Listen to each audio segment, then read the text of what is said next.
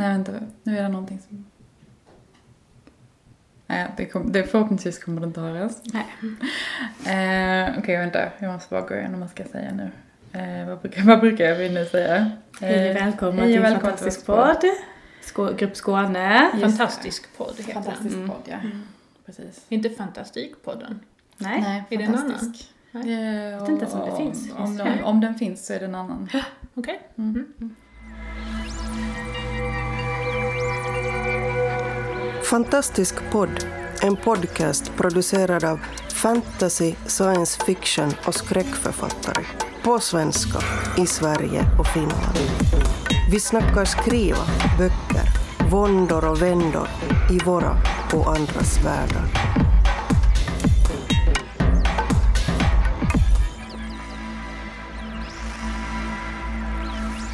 Hej och välkomna till Fantastisk podd. Idag är det Skånegruppen som pratar. Eh, Jag heter Emma Andersson och med mig har jag. Charlotte Cederlund. Och idag har vi en gäst som vanligt på detta nya fina år. Och vi har med oss Elisabeth Östnäs. Välkommen. Mm, tack så mycket. Vi tänkte att du kanske bara kunde börja med att berätta lite om dig själv och din eh, fortfarande nya bok får vi väl ändå säga, Häxorna som kom i höstas. Precis, det är eh, min första, nej det är inte min första vuxenroman på några år, men det är min första bok på ett nytt och eh, stort förlag. Och den är eh, vuxen, alltså det är en vanlig roman, den är inte fantastisk. Menar jag, alltså, då menar jag att det inte är fantastik. Fantastisk hoppas jag att den är. Eh, och den är väldigt historisk. Och eh, innan det så skrev jag då en annan bok i serien Släkten som utspelar sig på medeltiden. Och innan det skrev jag tre ungdomsromaner som betecknas som fantastik. Och som utspelar sig på vikingatiden. Vikingatiden där ja. Och jag är ofta, jag skriver nog alltid historiskt faktiskt. Hittills har jag faktiskt bara gjort det. Eh, och eh, vikingatiden är väl det jag kan mest om egentligen. Och där, där jag samtidigt kan ta ut svängarna lite mer. De andra perioderna får jag göra lite mer och lite jobbigare research. Men det, man kan väl verkligen säga det, att ditt signum har blivit lite att skriva historiska berättelser. Eller berättelser som utspelar sig i en annan tid än vår egen. Ja, jo men det får man säga. Där är jag nog. Och sen samtidigt tycker jag att eftersom alla tidsperioder är väldigt olika varandra så, så tycker inte jag att det är en genre utan Nej. jag tycker vikingatiden är en genre, medeltiden en annan. Nej, det borde vara det. Ja, faktiskt. Men var kommer det här intresset ifrån egentligen? Att, att skriva om historiska tider? För att jag tycker, det, det är nog det jag började läsa tror jag som jag tyckte var absolut mest. För att jag, jag är född 74, jag läste böcker hela 80-talet, 90-talet. Det, det är de tidsperioderna som har präglat mig. Och där på 70-talet så, så var det faktiskt en hel del ungdomsböcker som var historiska. Eh, det var nog inte så senare. Jag har tittat mycket på bibblan och insett att det, vi läser oerhört lite historia nu mera. Eh, och sen så har det blivit någon sorts tantgenre av vuxenhistoriska romaner. Eh, och då har de fått lite dålig, dålig klang nästan. Man tycker att det är en lite sämre sorts litteratur. Eh, men barnböcker, när jag växte upp fanns det fortfarande riktigt bra historiska romaner som man läste. Och jag läste och älskade och tyckte alltid att det var där det var, där det var spännande. Jag tyckte nog redan då att socialrealism kunde vara lite tradigt. Och jag älskade Astrid Lindgren och liksom de fantastiska romaner som hon har skrivit som är mer fantastik än annat. Och det kan man väl säga i alla fall om, eh, ehm, det sa du ju nästan själv också, om din ungdomstrilogi. Mm. Eh, Sagan om Turid. Ja. Att den är ju, den betecknas ju som fantastik. Och det var ju så här att dina böcker om Turid kom ju ut ungefär samtidigt som mina böcker om Idjärvi. Och vi blev ganska så eh, ihopmatchade. Vi har suttit på många scener tillsammans och pratat om våra böcker. Och ganska ofta har vi pratat om just fantastiken i våra böcker. Och det var väl lite det som vi tyckte var intressant med att bjuda hit dig idag. Eh, för att det är ju en fantastisk po- podd och vi pratar ju om fantastik, men det som är intressant med dina böcker är att i våra ögon så är det fantastik. Men utifrån det eh, den tidsepok du egentligen har skrivit i, det var ju inte fantastik för dem utan det var ju deras vardag, eller hur? Ja. Kan inte du berätta lite om, eh, om vi börjar med Sagan om Turid, liksom hur fantastiken visar sig i de böckerna? Mm, alltså jag tänker mer att fantastiken är en väldigt ursprunglig genre. Alltså den, den kommer från sagorna och sagorna är våra första berättelser. Ehm, så jag skulle säga att alla bra romaner är fantastik, kan man säga. Och vi är nog Ehm, beredda att hålla med. Ja, absolut, absolut. Eh, Men Turidböckerna är ju helt enkelt, och det är där, där jag tycker att det finns, det finns ganska många dåliga historiska romaner som jag också läste på kanske 80 och 90-talet. Och, och då var det ju vår tids människa som såg på den här perioden, kanske 1500-talet. Och, och då missar man ju liksom hur det var att, att tro på allt det man faktiskt växte upp med som var en levande tro på alver och vättar och troll och jättar och gudar. Det, det har mänskligheten trott på under större delen av vår historia. Eh, och, och det är där jag tänker att den måste vara levande i historiska romaner. Där måste vi någonstans försöka gå in i hur det kan ha varit, hur, hur vi kan ha trott. Och jag pluggade ju religionshistoria. Det var en sån grej som jag började läsa när jag var 18. Det var det första jag pluggade. Jag kom ju från Lund så det var ganska naturligt. Man anmälde sig till en universitetskurs så fort man hade gått ut skolan. Eh, och det var ju liksom en, en sån fantastisk upplevelse faktiskt. Jag, jag satt ju som, jag satt ju käpprakt på stolen liksom. Jag hade aldrig hört någonting så intressant som det läraren stod och sa. Och jag har avskytt skolan i många, många år och haft svårt med auktoriteter och så och skolkat jättemycket. Men religionshistorien var ju så rolig. Och, och där hittade jag just det här, vad trodde man på? Hur tänkte man förr? Och det är väldigt svårt att komma åt. Men det är ju samtidigt det som gör att jag tycker det är alltid spännande. Och det är det jag tänker som kanske gör att jag vi pratade lite innan här när vi fikade om att skriva en serie, liksom, att jag har svårt att tänka mig att jag skulle orka med samma personer i nutida Sverige, bok efter bok efter bok. Men om jag får ta lite olika år, lite olika religion, så Ja. skulle jag nog kunna hitta någonting nytt att skriva om, alltid. Just det. För vad är det, vad är det på vikingatiden då, vad är det Turid tror på som blir? Turid, det hon tror på, det, det jag har gjort med henne, jag gjorde henne till delvis från norr, står det, att hennes mamma kommer från norr. Och hon, hon har då mer shamanistisk religion som jag eh, läste på utifrån Mircea Eliade hette en sån här gammal auktoritet. Och där handlar det väldigt mycket om shamanresor. Att, ehm, ehm, det, finns, det finns ju fortfarande shamanistisk tro. Eh, och jag misstänker, och har läst en del böcker som, som gör att det, det har säkert funnits i Norden också, alltså det finns spår av det. Men inte så pass mycket som man kan skriva en avhandling kanske, eller en, en uppsats. Och det var lite grann där jag alltid liksom eh, snubblade till och försvann när jag pluggade. För att det, det fanns inte någonting att skriva om. Så att allt det har jag tagit ut liksom, och sen så har jag lagt det i Turid istället. Så att, den här ena delen av tron, det är den schamanska, som då är den här kloka gubben i byn som, som reser med, med anden. Och så lär han Turid göra det också, att man liksom ligger ner, kroppen är avsvimmad och sen så ger sig då anden iväg och får svar och träffar gudar och händer massa saker i den biten av världen. Och sen så finns det också en annan typ av tro som är lite mer som jag tror vi vet lite mer om idag och det är den här völvetron, att hennes styvmamma är völva. Eh, och då är det också lite grann att man, man förutser framtiden och man, man försätter sig själv i någon sorts trans och man ser andar. Så att de är lite lika varandra men ändå från två olika håll, tänker jag mig.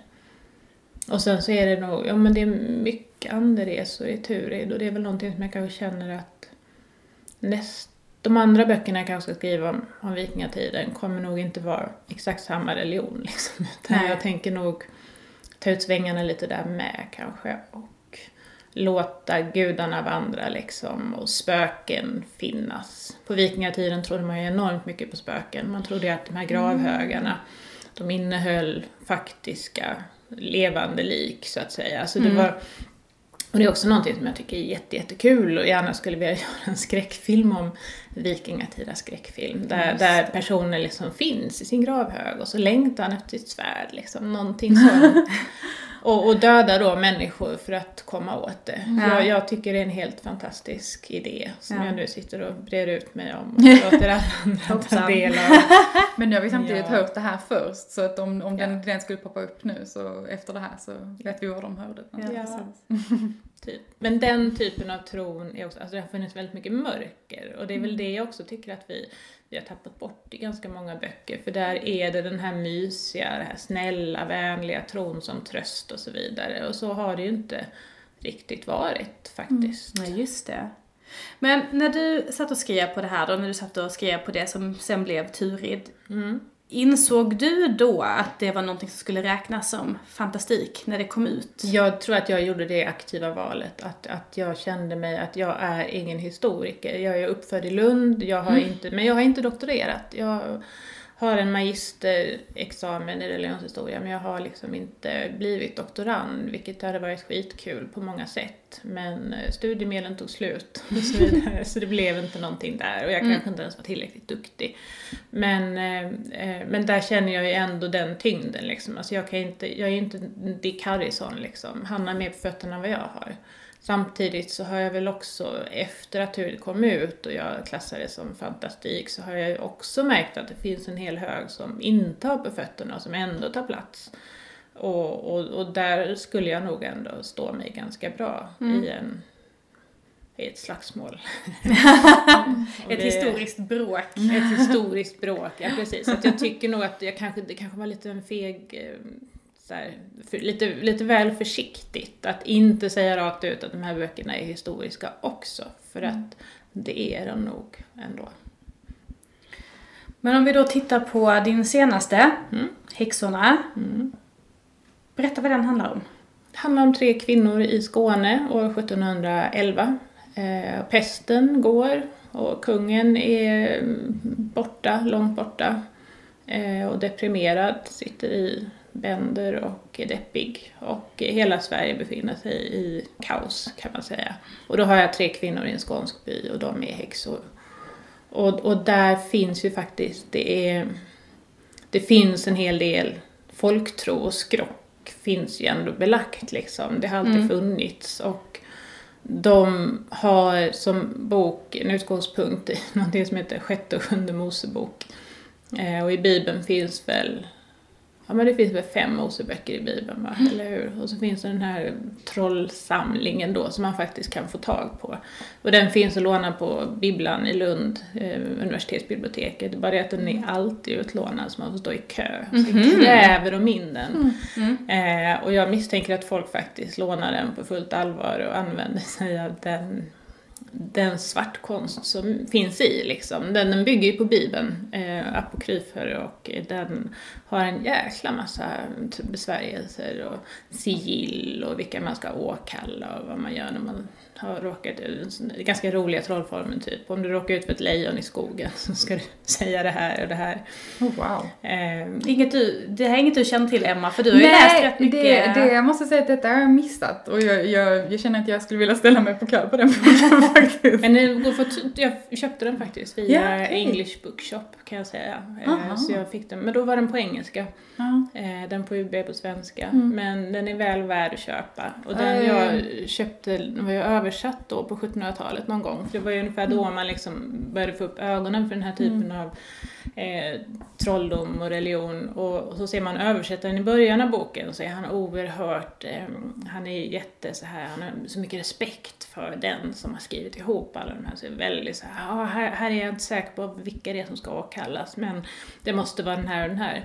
Och sen så i slutet av boken så har han hunnit bli skitirriterad på liksom, alltså allt allt som inte är logiskt. Så att där har han liksom, där har han ruttnat på allvar och skriver skitsura kommentarer. Typ någonting i stil ah, här vet man ju som vanligt inte riktigt vad han har tänkt sig den här författaren men, men det, det funkar nog med det här och det här. Så det är liksom, det är rätt kul. Man får ju liksom syn på den här översättaren också. Och han levde på 1700-talet.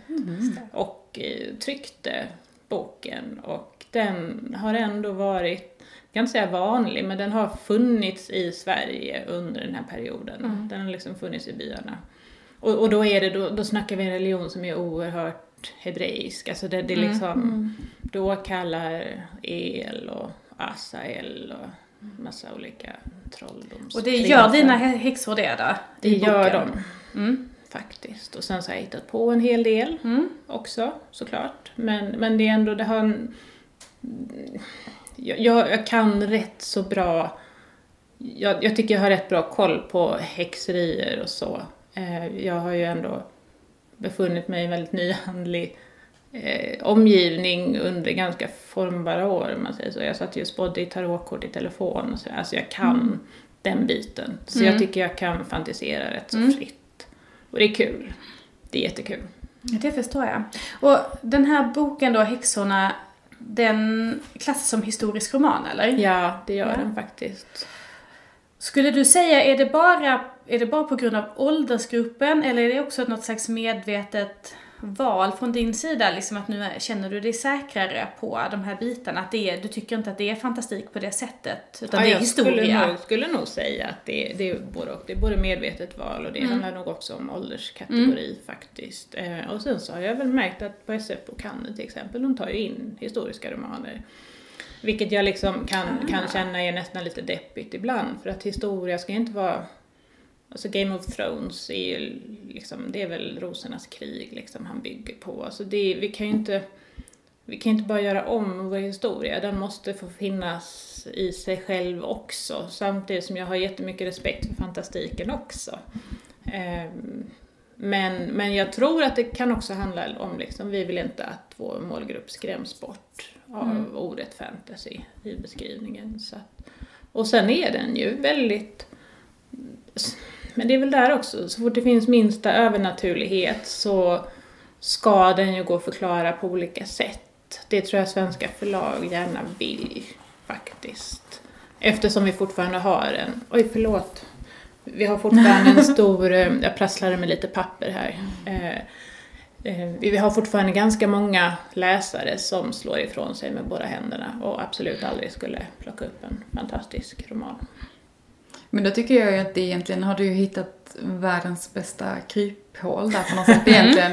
För att, för att jag menar, det är ju egentligen guld då att skriva historiskt, men om då någonting som de här karaktärerna är helt övertygade om att det här är på riktigt. Mm.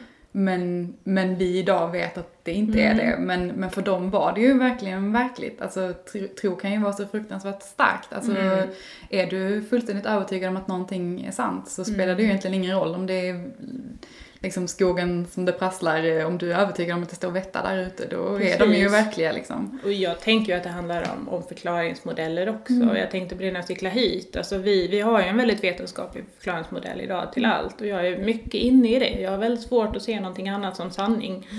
Men, men det finns väldigt många idag som har den där andra sanningen faktiskt också. Och det handlar ju bara om, det precis, så fort man är troende när det gäller någonting så står man lite vid sidan om vetenskapen faktiskt. Och, och jag kan nog inte säga att, ja men, jag vet inte. Jo men jag måste nog säga att jag tror på vetenskap. Jag tror fullt och fast på vetenskap. Men det gäller ju inte alla.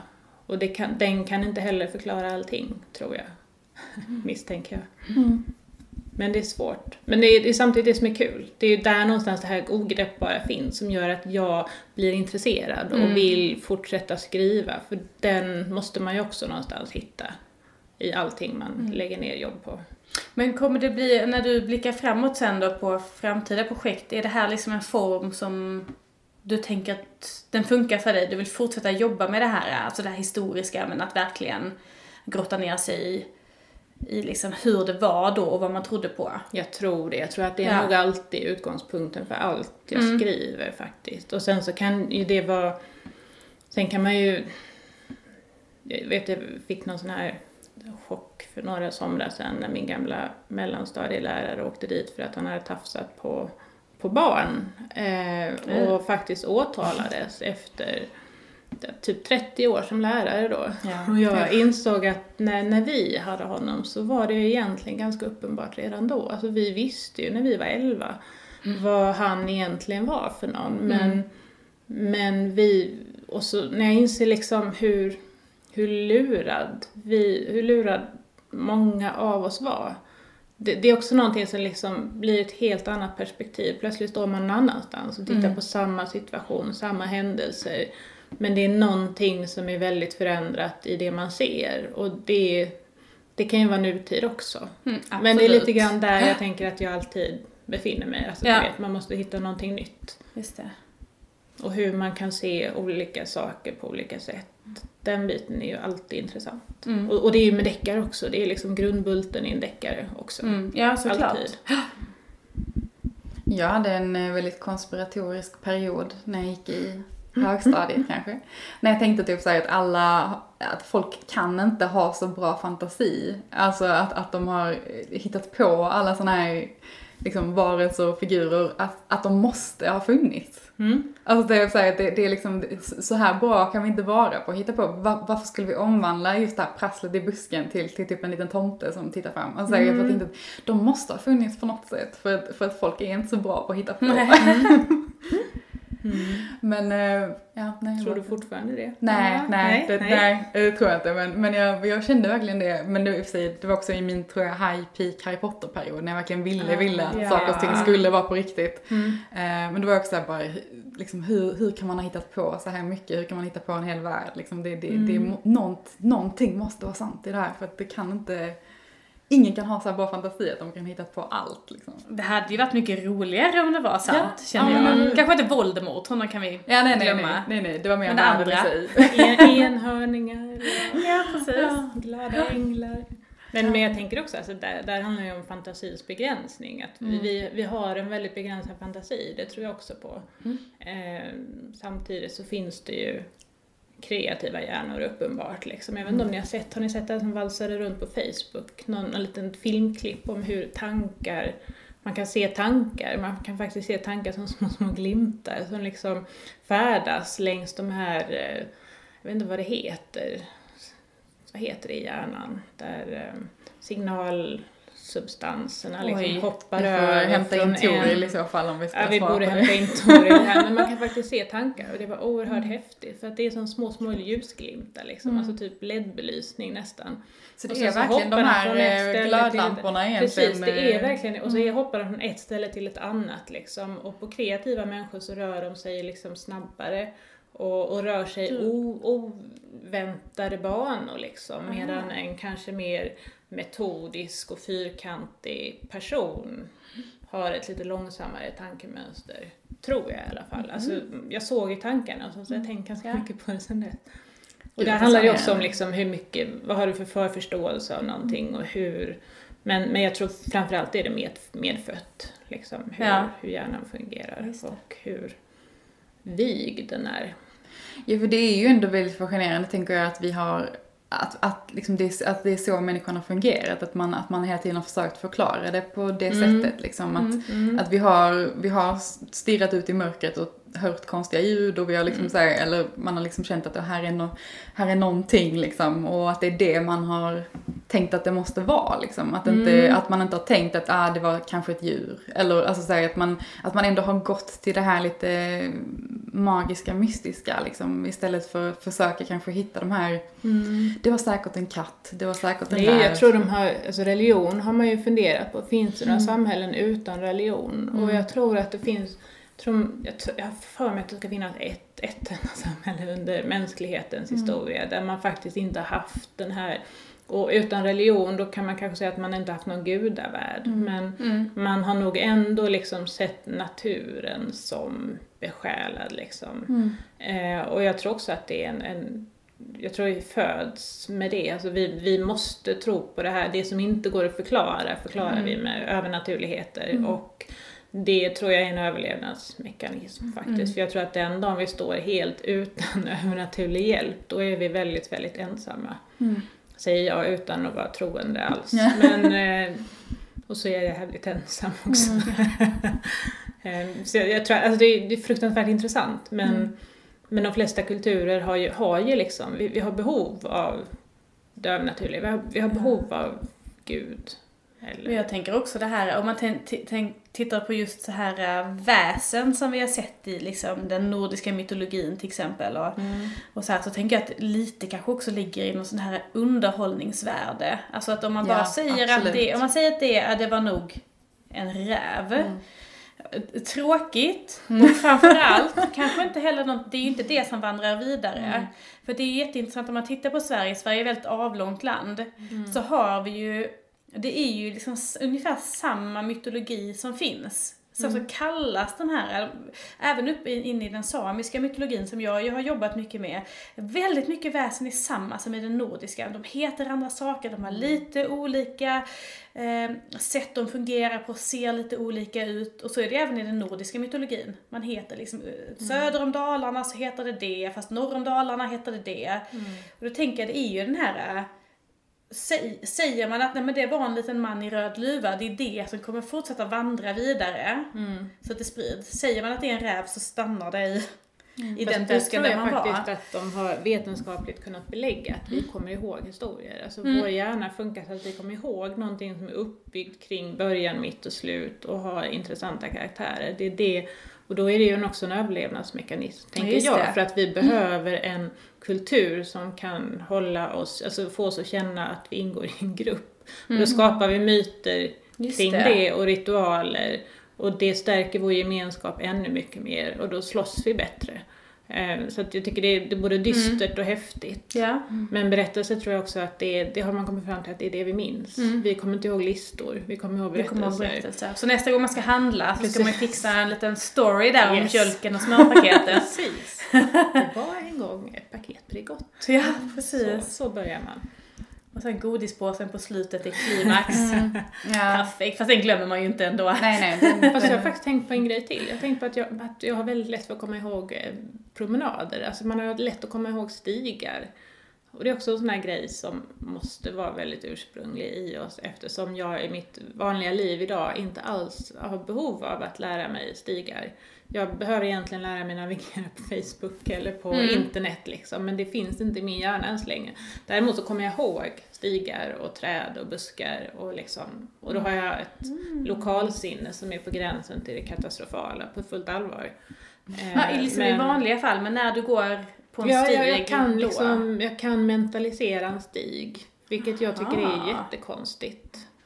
Det är ändå en liten Mm. övernaturlig skill skulle jag säga. Eller en grundläggande mänsklighet, kanske. Det Kanske. låter inte lika häftigt tycker jag. Nej du. Men, men det är ganska kul. Och, och där tänker jag att liksom vårt liv idag, fantastik och, och, och väsen och Norden som alltid ligger mig väldigt, väldigt nära hjärtat faktiskt. Jag hade ju två stycken handledare som hade skrivit avhandling om nordisk mytologi och hur nära den låg det keltiska. Och, och där någonstans vill jag också väldigt gärna eh, hitta saker. Där gillar jag att plocka upp element. Ja, Men det är ju egentligen spännande tycker jag också när man har läst mycket religion. Alltså, och det ju, har ju säkert också naturliga förklaringar med kanske människans behov och vad man behöver ha för förklarat liksom. Men just det här att, med gudar till exempel, att, att de återkommer. Det är som du säger, att det, det Charlotte, att det, de finns ju i hur många olika varianter med olika namn, men de finns ju över hela världen. Alltså till exempel att nästan alla kulturer har en årsgud till exempel. Eller att, att man har, att man har någon som är liksom skaparguden och någon som är någon slags modergud. Alltså att, att de verkligen går att hitta överallt liksom. Eh, och det är ju, ja det är väldigt spännande liksom för det är Så tänker jag på, på eh, Narnia-böckerna, jag vet inte om ni har läst Ja, Silvertronen, jo, jo. där när häxan då försöker säga så, ah, men ni, ni tänker ett lejon, det är för att ni har sett en katt och så tänker ni en fantastisk gul katt med man och då, då hittar ni på lejon, säger hon. Och solen, då har ni sett en lampa, säger hon. Och det är väl jättemycket kristen allegori där bakom, bakom det. Men jag tänker ofta på det, alltså vi kan förbättra och försköna men vi kan inte hitta på någonting som inte finns överhuvudtaget. Eh, och, och det här med Osgud var faktiskt jätteintressant. Jag skrev ett helt avsnitt om Tor, den gamla guden Tor nu. Som ska spelas upp så småningom i en annan podd. Och där insåg jag faktiskt, jag inte tänkt på riktigt innan, att han har ju en vagn dragen av två bockar. Eller hur? Det vet man. ja. Ja. Och de andra har ju hästar faktiskt. De har hästar och svärd och spjut. Och Tor har bockar och en hammare. Eh, och det innebär ju egentligen att han är en mycket äldre gud. För att han fanns antagligen från början innan de andra yngre gudarna kom. Och det är en sån grej som jag tycker är jätteintressant, att försöka hitta den här ursprungligaste religionen. Och i nordisk mytologi så har vi rätt många spår av liksom, olika typer av gudar och de har olika attribut. Men just en gud med hammare finns till exempel en keltisk gud som heter Susellos. Och han har också en hammare och han har en, en kvinnlig motpart då som Tor faktiskt inte har riktigt för han har en snygg fru som heter Siv och har snyggt gyllene, gyllene hår, stackarn. Han har inte mycket mer. Men Nej. den här Susellos har faktiskt en, en gudinna som heter Nantosvelta. Ett namn som jag verkligen glömmer hela tiden. Men, men hon finns eh, på bilder i den här keltiska världen och hon har ofta en stav med ett litet hus högst uppe. Eh, vilket då visar hennes funktion som hemmets gudinna och så vidare. Eh, och då så är hon tillsammans med den här Susellos då som är hammarguden och liksom krigisk och slåss. Eh, och det intressanta är på Historiska museet så har de faktiskt en stav som de kallar för völvestav och som är en, en järnstav med ett litet hus högst upp. Så det tycker jag är jättespännande. Och där, där kom jag faktiskt på igår, så att jag liksom tänkte på det här och insåg, ja men vad fasen, det är klart att det här med völverna, det är den här lite mer ursprungliga religionen. Det är det här som fanns innan. Eh, som då kopplas till den äldre, kanske till och med innan indoeuropeerna kom och då snackar vi bronsåldern, alltså då är det långt tillbaka. Eh, så det är skitkul och det tänkte jag, ska jag ta med i nästa. Just det. Nästa får bli vikingaserie helt enkelt eftersom det är det tidigaste jag kan tänka mig. Just det. Det ser vi fram emot. Ja. Ja, det gör vi Bra. verkligen. Det låter skitspännande. Mm. Mm. Och med det så skulle vi faktiskt vilja tacka dig så jättemycket för att du vill vara med här. Det var Tack. jättekul Tack att för du att kom. jag fick och, komma. Verkligen. Ja, och Det är sällan någon vill lyssna när jag lägger ut små teorier om gudar, så tack så mycket. Ja, du är alltid välkommen.